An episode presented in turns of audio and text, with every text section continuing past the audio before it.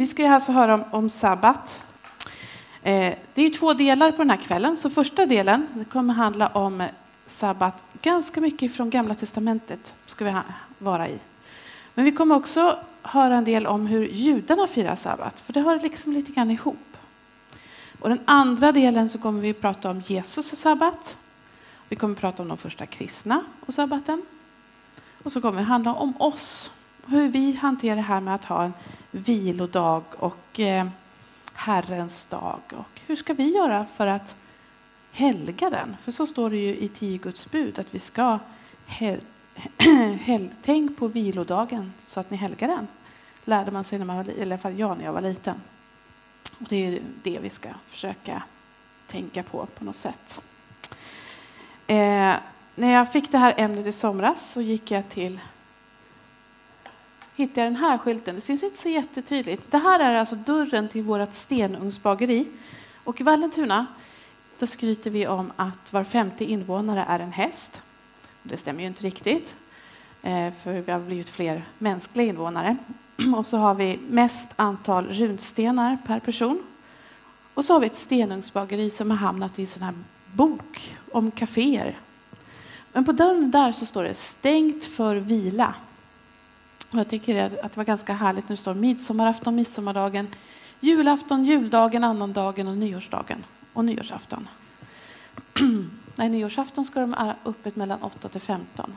Ja, lite granna vila vill de ha i alla fall. Jag tyckte det lät så skönt. Stängt för vila. Hur brukar vilodagarna se ut för er? Ja, kyrkan, eller hur? Ja, brukar det göra för mig också. För det mesta för hela familjen. Ibland så um, är det otroligt stressigt och jäktigt. Jag kanske inte håller på med den sista förberedelsen. Min man han spelar åtminstone två stycken av våra lovsångsteam.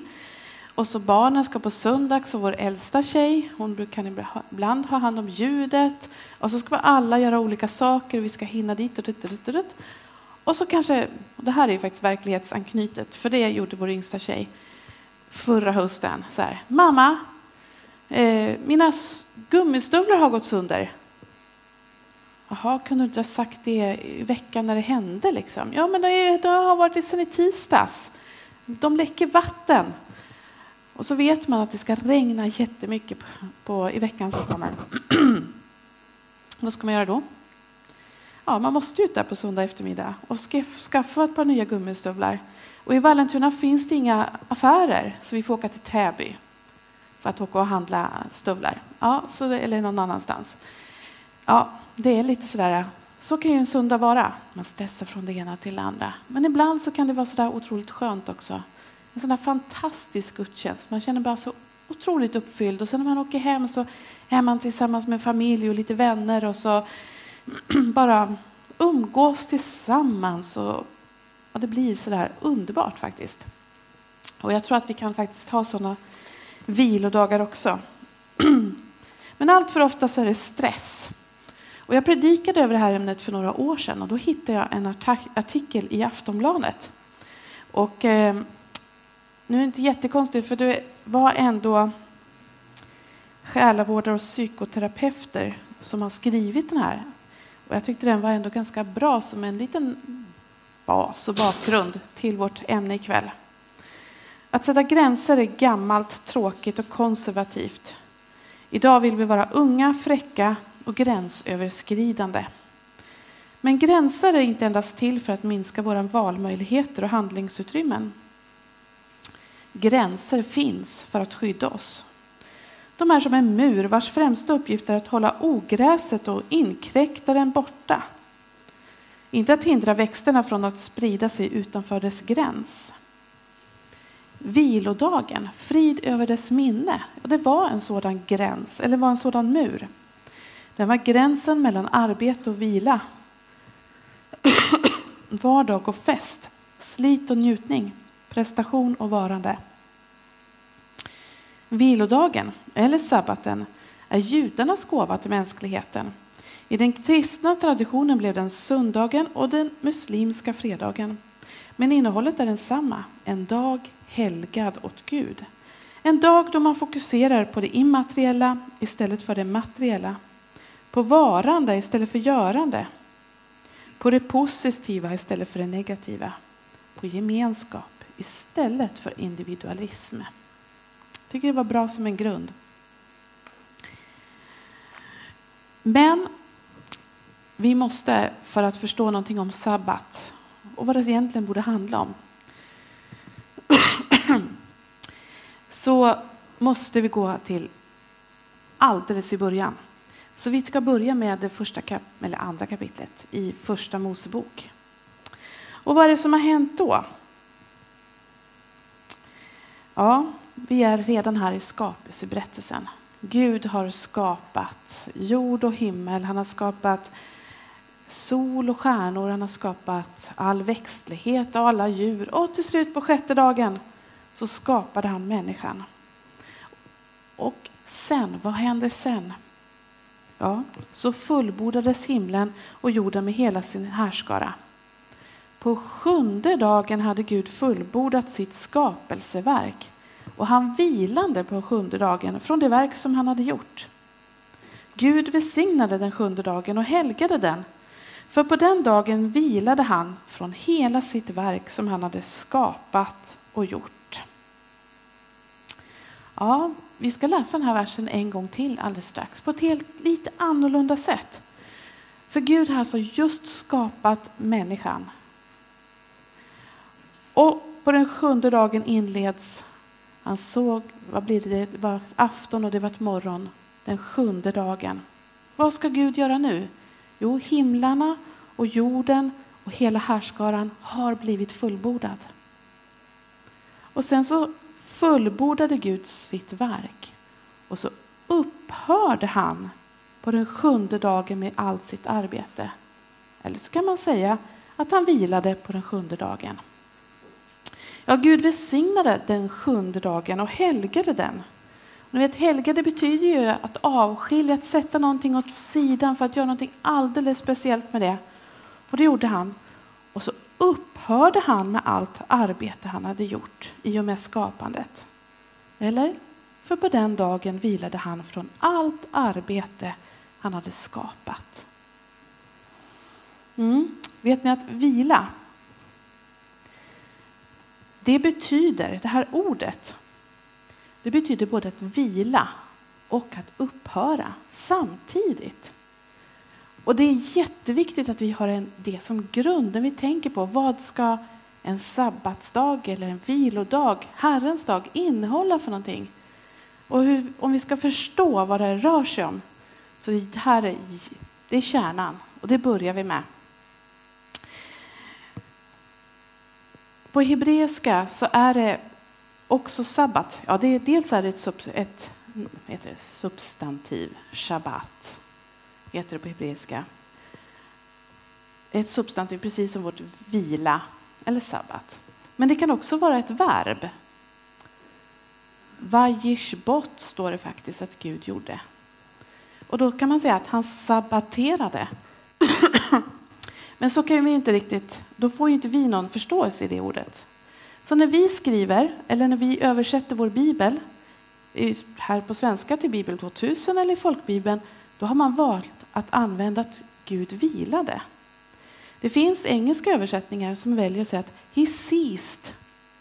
Det betyder att han slutade att äh, skapa. Han slutade med det han gjorde. Och det här det är verkligen grunden för att förstå sabbatsdagen. För tror ni att Gud behövde vila?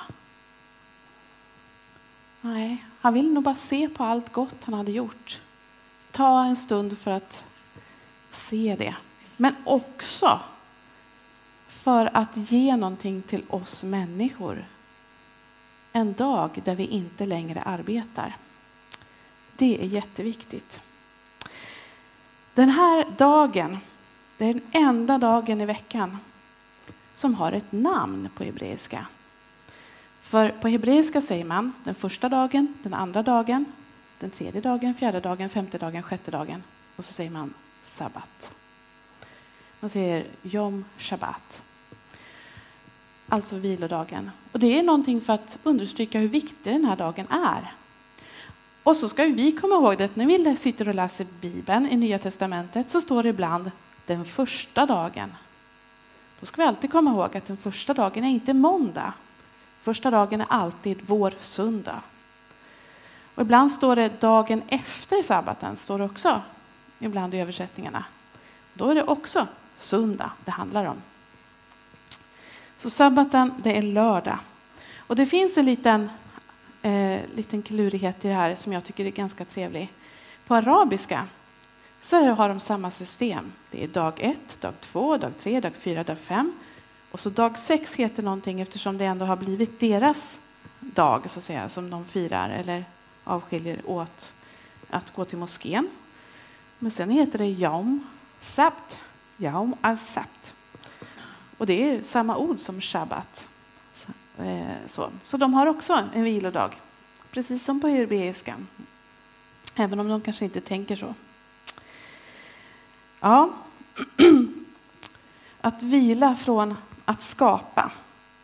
På sabbatsdagen så vilade skaparen från att skapa. Det var vad Gud gjorde. Han upphörde med att skapa.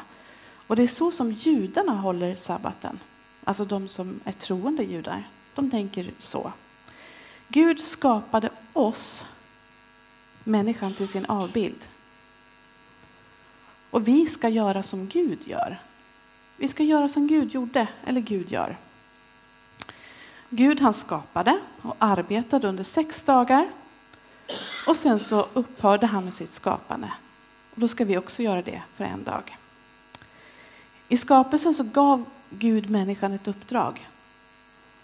Det är att vi ska befolka jorden. Det har vi gjort väldigt bra. Sen så fick vi ett till uppdrag och det är att vi ska ta hand om jorden, förvalta den. Och det kanske vi inte har gjort lika bra, eller hur? Med miljöförstörelser och hur vi har byggt och, och allt som händer. Så människan, han förde skapelseverket vidare i sex dagar. Det ska vi göra, precis som Gud skapade. Vi ska ta hand om det här. Men vet ni det här att vi människor är skapelsens krona? För det är så som Bibeln säger att vi är. Skapade till Guds avbild. Så är det att om man ser sig runt på andra religioner så har inte de samma syn på människan. En del har, har verkligen annorlunda skapelseberättelser och vidare.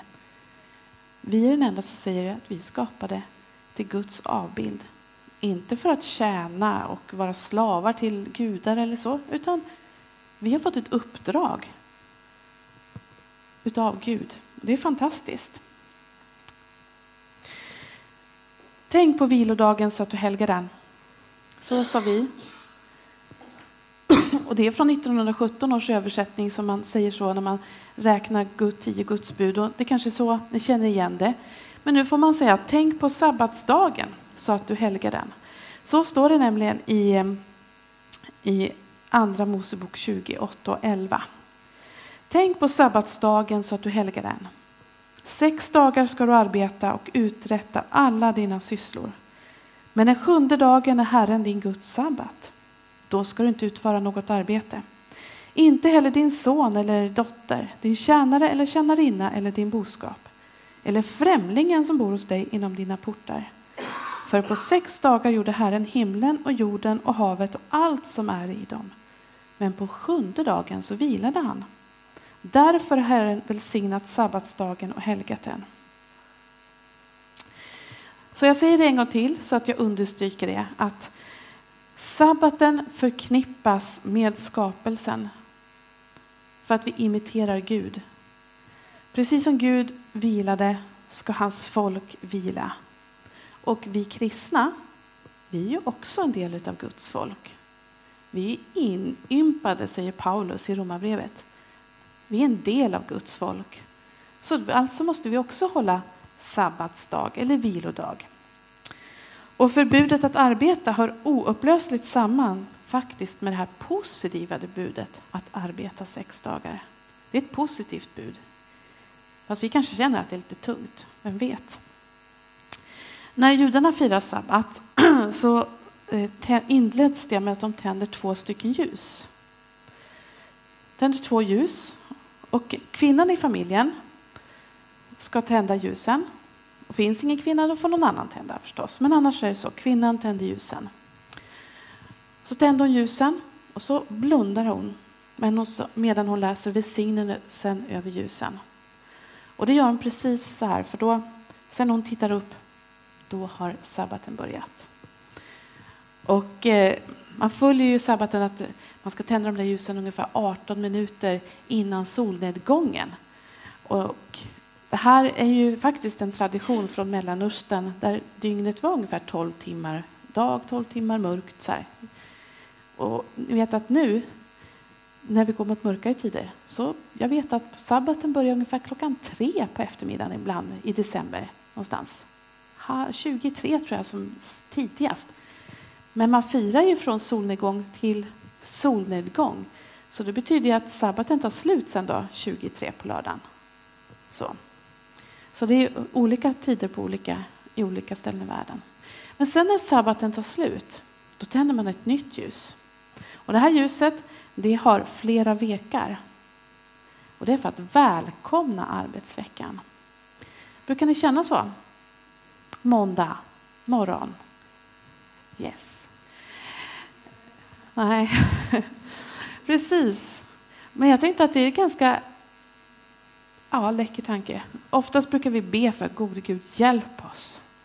Men man kanske gode Gud, ja, tack för att vi får välkomna veckan. Ja, det är lite häftigt. Men så har vi ordet arbete också på hebreiska. Avoda heter det. Och det är samma ord. Som man, arbete som vi har under våra sex dagar med våra händer. Det är avoda på hebreiska.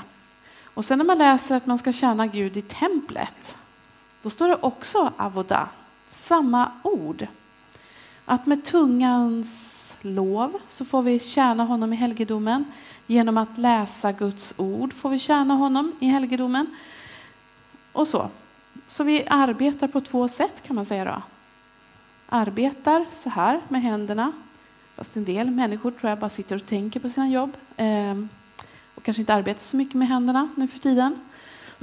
Men sen så ändå i kyrkan eller i synagogan eller i templet beroende på vilken tid i historien vi tänker oss så får vi också tjäna Gud. Och det är ju, vi har ju vårt ord tjäna, så man kan ju säga att i veckan så tjänar vi ja, mänskligheten med vårt arbete. eller så. Och så tjänar vi Gud sen i, på söndagen. Vi tjänar honom på söndagen och judarna på lördagen. Så arbete och vila, det, bör, det hör ihop men bör hållas isär. För Gud har satt upp den här gränsen. Och vet ni, jag tror att han har satt upp den här gränsen för vår skull. Eh, vi arbetar med... Eh, och när vi överträder den här gränsen och låter arbetet flyta in i allting och vi aldrig tar det riktigt lugnt, för det gör vi ju i dagens samhälle, då är det ju oss själva som drabbas av det med all den här stressen och överarbetningen. Det finns läkare som säger att att det här med semester, det är överskattat. Om vi bara håller en dag i veckan och verkligen är lediga så skulle vi må mycket bättre. Eh, så tänk att vi har fått den här dagen av Gud. Och det finns... Jag har läst ganska mycket i en bok här som heter Tid för Gud. Jag ska visa den. Jag vet inte ens om den går att få tag på längre judiska och kristna perspektiv på de judiska högtiderna utav en som heter Göran Larsson. Jag har varit i Järfälla, där var det en som sa att hon skulle försöka få tag på den för hon var med i någon eh, ja, förening som den här Göran Larsson har. Så att hon skulle försöka få tag på böcker. Så vill man så kanske man kan ringa och fråga Järfälla. Jag kommer inte ihåg vad hon hette heller som kunde det. Men i alla fall, han har sagt så här att sabbaten är nog världens första och största arbetslagsstiftning. Den innebär en av de mest genomgripande och framgångsrika sociala revolutionerna någonsin. Under seklernas och millenniernas gång har en vilodag var sjunde dag sakta men säkert spridit sig över jorden. Sabbaten är en av de största gåvor Gud har gett till världen genom, de, genom det judiska folket. Och det här med sabbatsdagen, det har alltid attraherat folk på olika håll. Eh, för på Bibelns tid så trodde ju människor på massor med gudar. Utom en liten eh, grupp eh, greker som faktiskt trodde på ingen gud.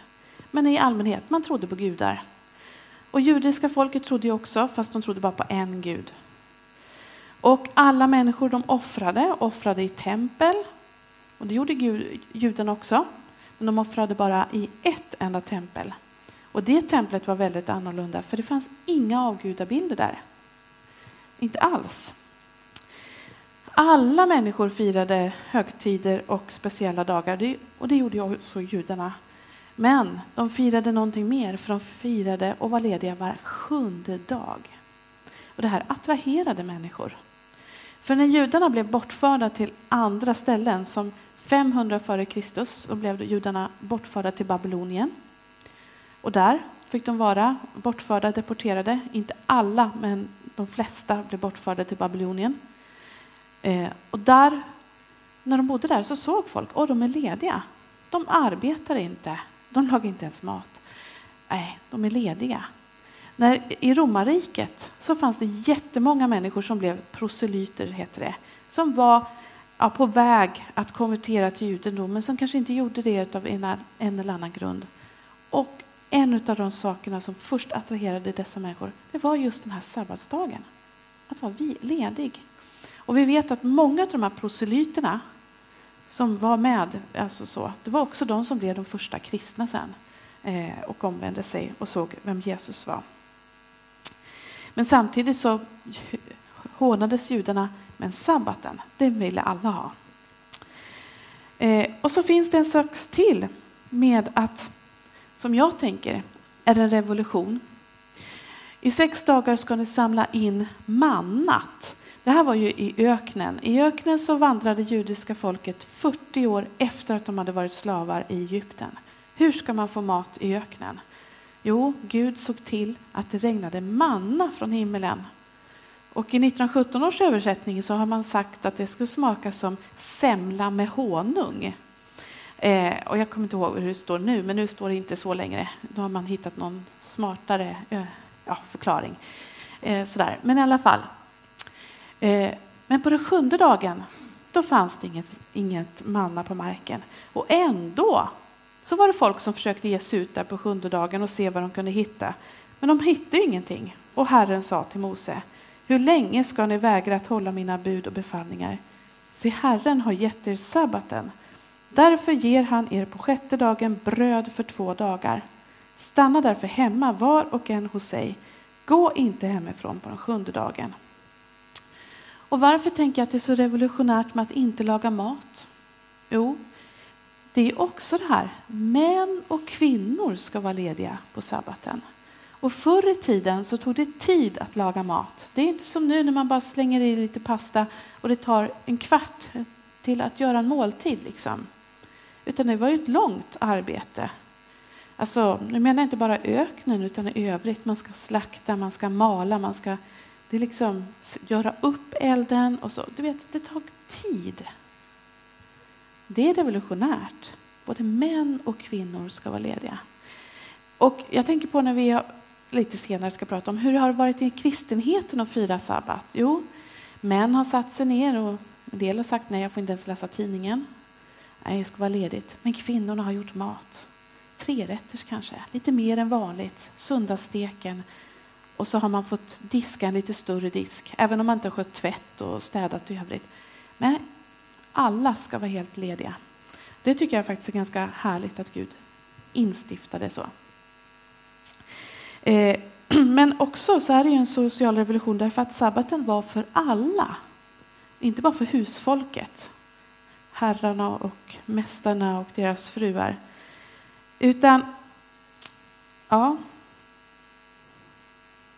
Här ser vi precis samma sak som vi läste i Andra Mosebok alldeles för ett tag sedan. Då stod det med eh, de tio budorden och så upprepas tio budorden i femte Mosebok. Och så finns det en liten rad till. För här står det ju att eh,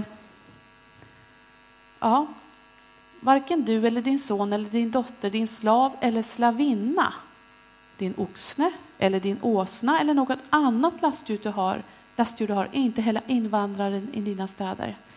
Din slav och din slavinna ska få vila liksom du själv. Kom ihåg att du själv en gång var slav i, i Egypten. Det betyder att alla är på samma nivå. Alla skulle finnas med runt matbordet. Och eh, jag vet inte, låg runt matbordet eller satt på i tältgolvet runt, mat, runt maten. Alla skulle vara med. Slav, slavinna, tjänare, tjänarinna. Och så att djuren ska få vila. Också jätteviktigt. Och det är faktiskt en fantastiskt att, det, att han, Gud tänkte det på det här sättet.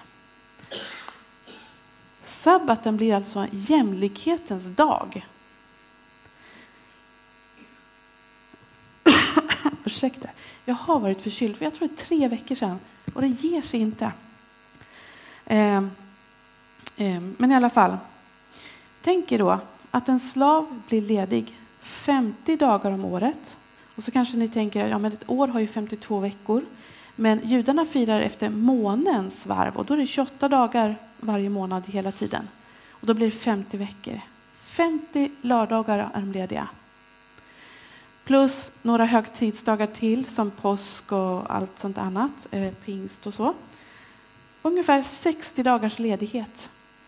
I en tid, alltså då tänker jag på när det här växte fram och verkligen instiftades och regler kom och så vidare under, under, andra, under Gamla testamentets tid. Så var det ju så att andra slavar, de var ju värda ingenting. Trälarna här i Europa, till exempel, på under vikingatid och stenålder, alltså det, det fanns inga rättigheter alls att tänka på. Så sabbaten är också en minnesdag av Egypten. Kom ihåg att ni själva var slavar, ingen annan ska jobba.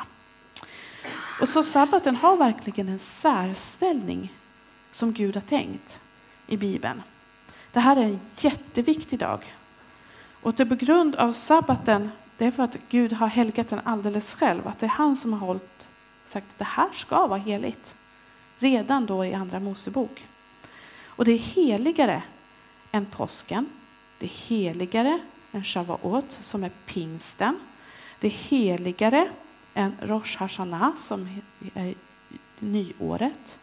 Och det är eh, heligare än, eh, än lövhyddehögtiden. Men Jom Kippur, den är heligare än sabbaten. Och det är reningsdagen, försoningsdagen. Och det är en enda dag. Och i år, för ungefär tre veckor sedan nu, så firades den på en lördag, på en sabbat. Och då är det så att, att alltid annars, om det är påsk eller så, då är det alltid sabbatens, eh, ja, ska, man, vad man ska göra på sabbat kommer alltid före det som man bör göra på en påsk. Men när det är Jom Kippur, då är den högre. Och den heter på hebreiska Shabbat, Shabbaton. Kanske ni kan höra att det blir som sabbaternas sabbat. Det är högre. Och jag tycker så här med reningsdagen. Det, det finns så mycket paralleller här till till Jesus i den dagen. För att han har ju tagit all vår försoningsskuld på sig. Alltså han har ju frigjort oss från allt genom sin död på korset. Så försoningsdagen, ja, vi lever väl i det hela året egentligen. Men det borde vara en dag som vi kommer ihåg också som kristna. Men det gör vi inte. I alla fall så är det så att när Guds folk blev bortdeporterade och Hesekiel han skrev sin bok i jag-form. Det är en profetisk bok som är ganska speciell och svårläst. Alltså. Det är inte riktigt enkelt att ta sig igenom den boken. Men han skrev den i Babylon. Och när man var där i Babylon så, så skärpte Gud till det här. Men kom nu ihåg, vandra efter mina stadgar, håll mina föreskrifter och följ dem. Håll mina sabbater heliga. Låt dem vara ett tecken mellan mig och er för att ni ska inse att jag är Herren, er Gud. Alltså det är ett tecken på att vi hör ihop, att vi firar sabbat. Och var en judarna har varit så har de lyckats göra det.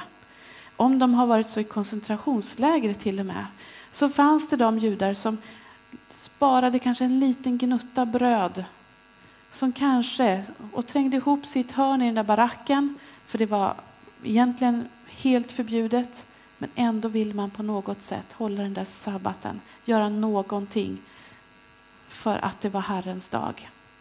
Så det var någonting varit jätteviktigt för dem och det är på något sätt som har blivit ett tecken. För de har ju lyckats, judarna, fast de har blivit bortförda. Och i Esters bok så är det första gången det talas om att de ska förgöras om folk. Och så har de blivit förföljda hela tiden, också av oss kristna. Men de har hållit sabbaten.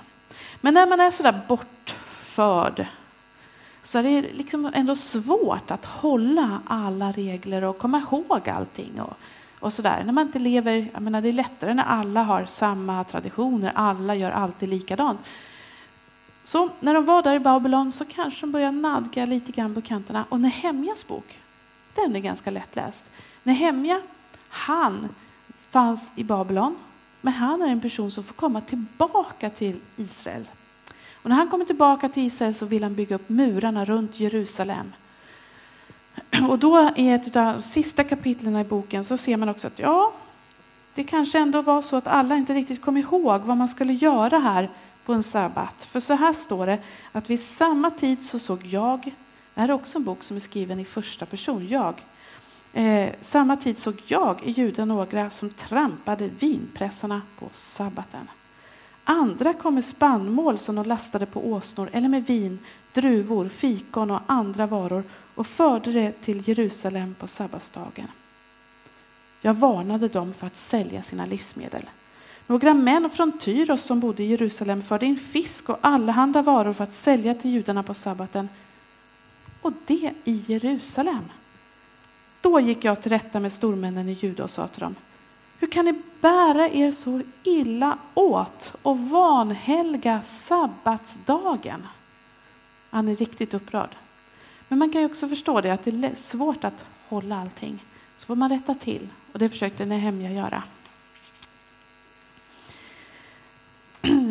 Så det säger någonting om hur viktigt sabbaten är och hur viktig sabbaten, sabbaten var då. Men kanske det är någonting som vi har slarvat bort på vägen. Ni kanske har hört talas om att judarna säger att det finns massa som är förbjudet på sabbaten. Och jag tänkte vi skulle titta på lite grann av det som är förbjudet utifrån Gamla testamentet. Det vi vet om judedomen är ju att det är så många förbud.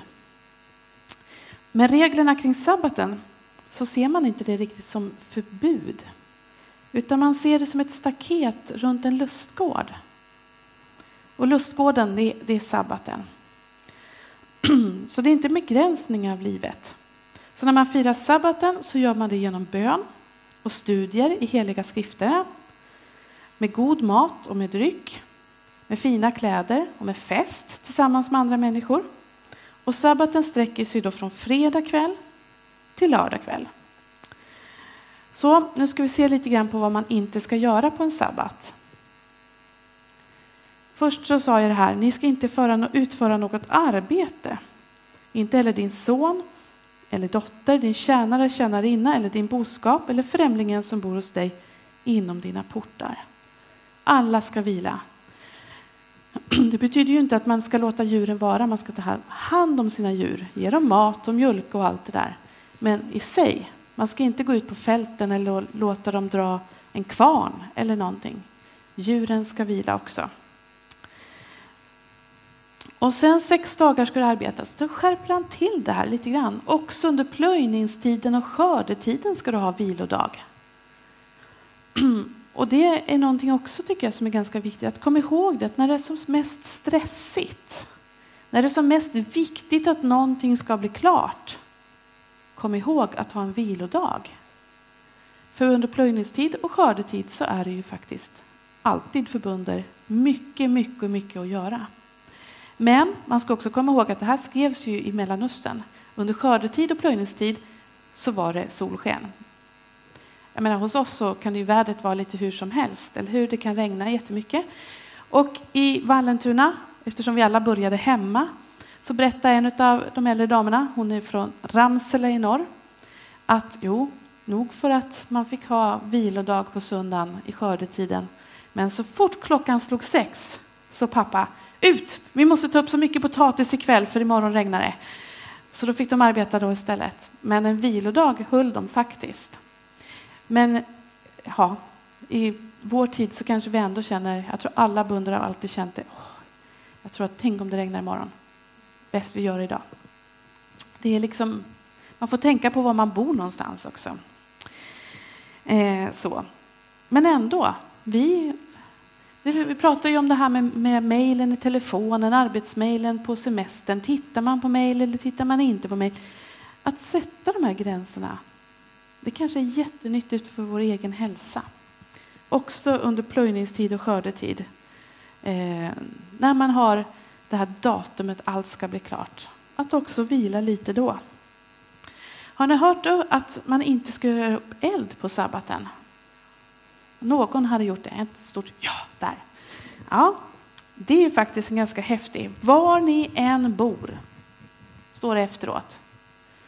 Eh, och det har man hållit inom judendom. Alltså alla som är, är eh, troende judar som följer, följer reglerna. Det gör ju inte alla, men det gäller de ser det allvarligt. Precis. Vet ni att när jag skrev, jag har alltså läst jättemycket hebreiska. Eh, så jag skrev en uppsats, en masteruppsats och översatte en, en eh, journalist som skrev artiklar i Polen och eller från Warszawa och Sankt Petersburg, slutet av 1800-talet och början på 1900-talet. Och för att förstå liksom hans miljö så läste jag mycket om ja, hur man levde och sådär. Och då så är det så att i Östeuropa så blir det kallt på vintern. Det är helt klart, eller hur? Eh, det är precis som här. Men man måste ju ha varmt även när det är vinter. Och hur löste man det? Jo, man anställde en goj. Och en goj är hedning på jiddisch. Ja, det är väl alla vi andra alltså. Ja, och jiddisch är, är eh, språket som man pratade där och goj är hedningar. Ja. Så då anställde man en hedning. Ja, visst. Eh, men då anställde man en hedning, en goj, för att få komma hem och tända elden på lördagen så man fick varmt i huset. Och precis som du berättar, det här gäller idag, för i Järfälla då, så var det ju en kvinna som hade varit i Israel och bott och jobbat i två år. Så en kväll när hon, när hon var någonstans så var det en man som sa, du, kan inte du komma med här? Liksom, och, så där. och hon tänkte bara, nej. Jo, förklarar han, jag vill bara att du ska tända lampan i trappuppgången. Det har blivit så mörkt nu. Så det här gäller alltså också elektricitet. Och, var, ja, och vet ni varför? Hissknappar och sånt också. Därför den här ja, ska gnistan som skapar elektriciteten, det är liksom eld. Man skapar någonting, vill man inte göra. Och här måste vi få berätta om en, en rabbin, för det här verkar ju liksom så absurt att man har tagit reglerna så långt, eller hur? Eh, och då var det en rabbin som han, Göran Larsson då, berättar om. Han sa så här, ja, varför trycker du inte på knappar liksom? Jag menar, vad då? En lampknapp liksom. Nu, nu är det så att, att man har timer. Man behöver inte trycka knapp själv. Utan i, i Manchester såg jag en dokumentär för några år sedan. De hade timer på saker och ting. Så man löser det ju ändå. Men den här rabbinen sa, ja men jag vill inte liksom nagga det här i kanten. Om jag börjar trycka på en knapp så vet jag inte hur många knappar det blir sen. Och det här var ju några år sedan, innan iPad och, och datorer och iPhones och smartphones och det ena och andra slaget. Ja, men så är det. Och här kommer ett lite mer osynligt bibelord från Jesaja, eller osynligt, men själva grejen är lite osynlig för oss för den svenska översättningen ställer till det för oss. Man ska alltså inte göra affärer eh, eller heller liksom sköta någonting sånt på, på sabbaten. Men jag tycker om det här bibelordet för det är liksom så tvärtom. Vi ska ju, göra, vi ska ju sköta våra sysslor, det ska vi vad vi ska göra. Men om du hindrar din fot på sabbaten från att sköta dina sysslor på min heliga dag, om du kallar sabbaten en fröjd, helgad åt Herren och ärad, om du ärar den genom att inte gå egna vägar och inte sköta dina sysslor eller tala tomma ord, då ska jag fröjda dig i Herren och jag ska föra dig fram över landets höjder och låta dig njuta av din fader Jakobs arvesdel. Så har Herrens mun talat. Alltså, dels så ska vi hindra oss själva från att utföra arbete, vad det handlar om. Men sen så den här lilla meningen står Not pursuing business on my holy day. Utför inga affärer på min heliga dag. Ungefär så står det på hebreiska. Jag förstår inte hur man riktigt fått till det, inte sköta dina sysslor. Ja, man vill väl låta mer gammaldags kanske och behålla det när man översatte. Men det här bibelordet talar också om att det är en välsignelse att hålla Herrens dag. Om vi gör det, då ska vi få fröjda oss i Herren. Om vi gör det så ska han föra oss fram över landets höjder och låta oss njuta av fader Jakobs arvedel. Och är vi Guds folk så måste det gälla oss också. För att förstå allt det här, jag tänkte på vad du sa med brödrost, eller att man inte får brödrosten.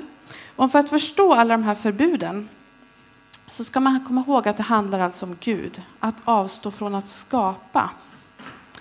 Vet ni att varför är det alltså förbjudet att tända en lampa men inte att styrketräna? Varför, när skolan var på lördagar här i Sverige, berättar Göran Larsson, så var det så att när observanta judar gick i skolan då, då kunde de vara med på gymnastiken, men inte på välskrivningen. Visst är det lite märkligt? Jo, för man skulle tycka att, att, att gymnastik är jobbigare än välskrivning. Men när du styrketränar så bara underhåller du din fysik. Du behöver inte tänka, du, du skapar egentligen ingenting. Ja, det skulle vi kunna säga rent fysikaliskt, vi skapar energi och sånt. Men det lägger vi ner. Ja, man får alltså styrketräna, men man får inte skapa fina bokstäver. Man får alltså inte tända den här gnistan som gör en eld eller ja, så. Men man kan alltså styrketräna. Och det är för att skaparakten var förbjuden. Eh, och det är själva grejen. Eh, så. Ja. Nej, det, det skulle man tro. Men enligt vad jag har läst mig till så ska Pesach inte vara riktigt lika högt som, som sabbaten. Shabbat är alltid högst, utom på Yom Kippur. Yom Kippur är överst. Mm. Yom Kippur allra överst och det är Shabbat Shabbaton, sabbaternas sabbat. Eh, så. så det, tack. Bra, för det är en djup vishet här som blir lite krångligt. Men nu så ska vi strax ta en paus och så ska vi ta och börja prata om Jesus och sabbaten. Hur ser han på det här med sabbat? Hur man ska leva? För ja, det är lite spännande. Och hur ska vi göra när vi firar sabbat? Så nu har vi gått igenom Gamla Testamentet och vi har vet, Prata lite grann om hur judarna firar sabbat. Men nu kommer vi över till oss lite mera.